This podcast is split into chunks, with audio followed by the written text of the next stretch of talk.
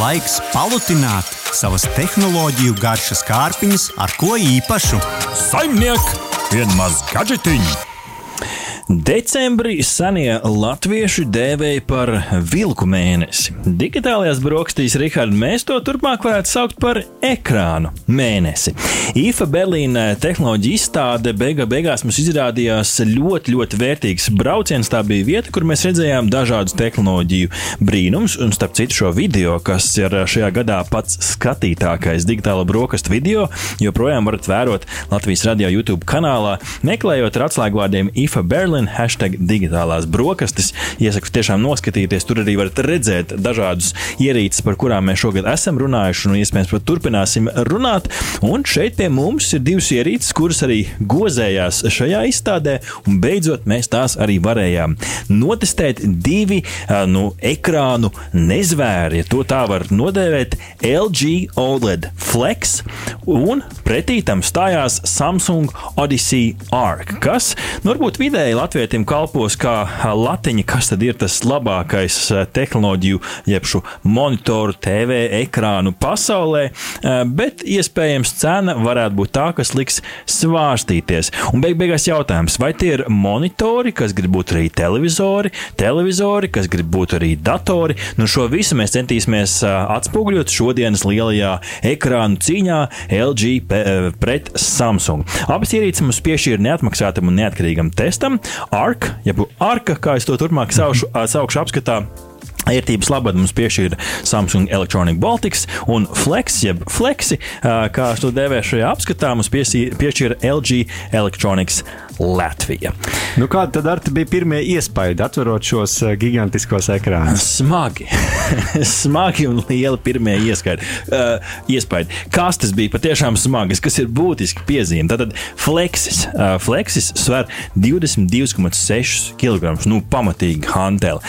Turpretī Arka, nu šeit, darbie draugi, tas bija divu cilvēku darbiņš. Mēs reāli svīdām šos monitorus, ekrānus. Testējot, Arka ar visu kāju svar 41,5 kg. Tas ir vairāk kā milzīga izmēra televizors, kuru arī jau ir grūti uzstādīt. Šeit bija patiešām jānopūlās, un šeit divu cilvēku darbiņš ir būtiski piezīme.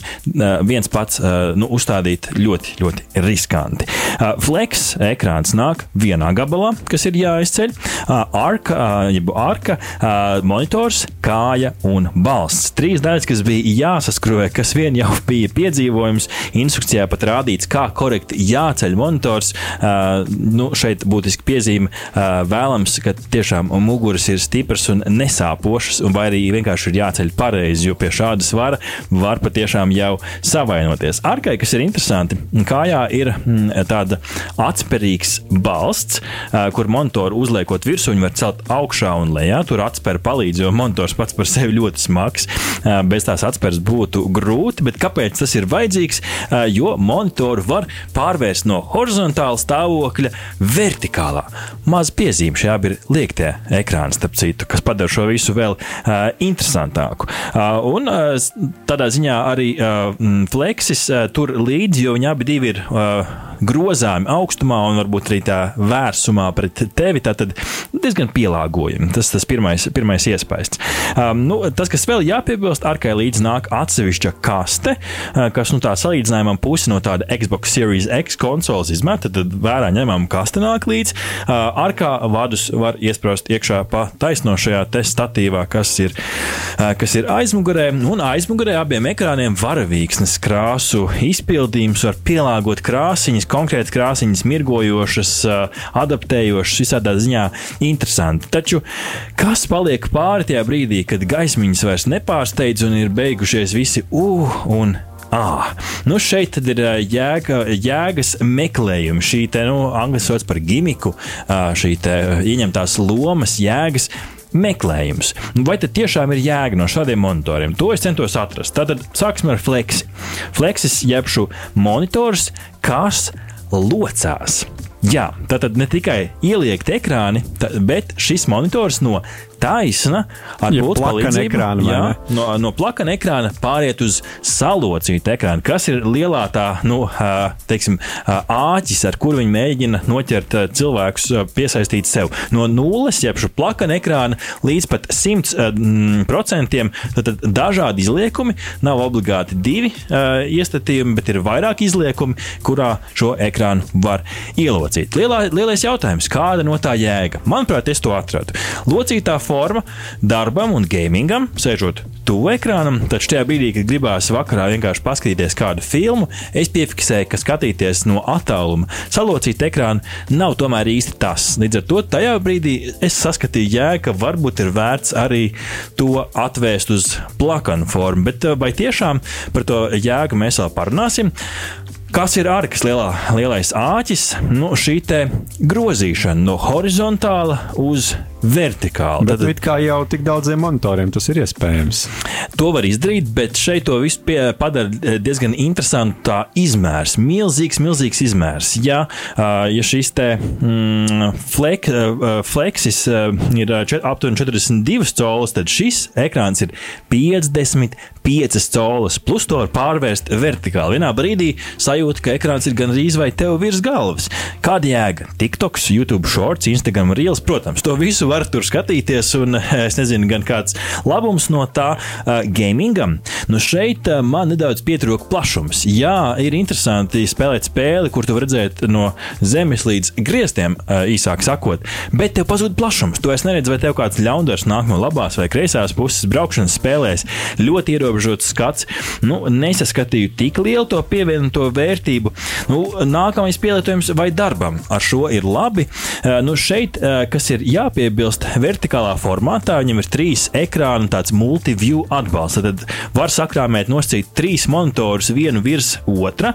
Augšā varbūt kaut kas foniņam, vidū nu, varbūt kaut kāds video, un tad tavā tiešā redzeslokā, jeb priekšā, nu, tavs aktīvais. Aktīvais pielietojums. Par šo mēs vēl parunāsim, bet nu, varbūt šeit varbūt varētu saskatīt kādu praktisku jēgu, paturēt gan prātā ergonomikas aspektu, jo ilgi turēt galvu uz augšu arī nav labi uh, kakla muskulatūrai.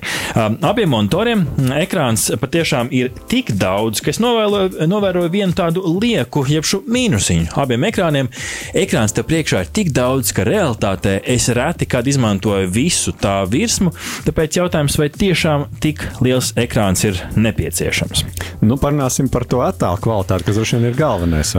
Izmantoju kā gamingam, tā darbam, nu šeit tiešām uh, ne, nerunāsim daudz par to attēlu, jo šī, šie abi divi tiešām ir kā tādas latiņas. Melnais ir melns, krāsainais ir krāsains. Uh, tādā ziņā ar, ar uh, ekrāna šo attēlu kvalitāti problēma nebija. Garšīgi, izcili un tiešām ar šo viņi kompensē varbūt par to, to cenu, par ko mēs parunāsim arī, arī pēc tam. Uh, gamingam, es teiktu, ļoti atbilstoši ekrāni, spilgti, krāsaini.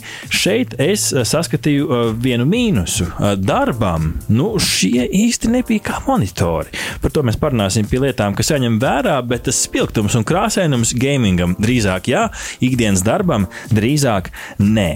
Tas, kas vēl jāpiemina pie attēla, ir tāds labāks pretspīduma pārklājums, līdz ar to fona gaismas tik ļoti netraucēja. Arī fleksis uh, š- bija labs šajā kategorijā, bet drīzāk spilgto krāsu dēļ. Tas bija atsevišķos leņķos nedaudz vairāk atspīdēja. Uh, Līdz ar to, nu, to attēlu ziņā izcili, garšīgi, acis piesaistoši. Nu, ja tie monitori ir tik smagi, tad nu, iespējams tas tāpēc, ka arī pamatīgi skandas iekšā. Kā tad ar to skaņu? Nu, par skandām tos varbūt nenosauksim. Ska, skaļi runīši, jā, bet uh, izmēri mazi, jauda liela. Abiem Dolby Atmos skaņas sistēma, ja tas jums kaut ko izsaka. Katrā ziņā sēžot pareizā vietā, ir tāda sajūta, ka skaņa priekšā ceļo, kas ir labi. To mēs parasti pieminam pie skaņas stieņu apskatiem. Uh, Skaņa tiešām priekšā ceļo, bet ne aizmugurē. Līdz ar to tādas kārtīgas austiņas uh, šie ekrāni neaizstāja. Uh, Taču, iespējams, mazākā telpā, kā tāda varbūt pat mūzikas skaņas sistēma, šo arī var izmantot, jo viņi ir skaļi un tā skaņa priekšā esot noteikti ir, ir labi. Nu, kārtīgs sabūvēs priekšā gan nav, mm -hmm. bet ir arī savi basa elementi, kas ir labi. Jā, nu kas tad uh, tevi patīkami pārsteidz un kas varbūt jāzina pirms pirkuma? Izskanam ātri cauri izliekums, pavisam noteikti ir spēcīgs, jo pie tik liela ekrāna ir patīkami, ka tas nosedz visu tavu priekšējo perifēriju.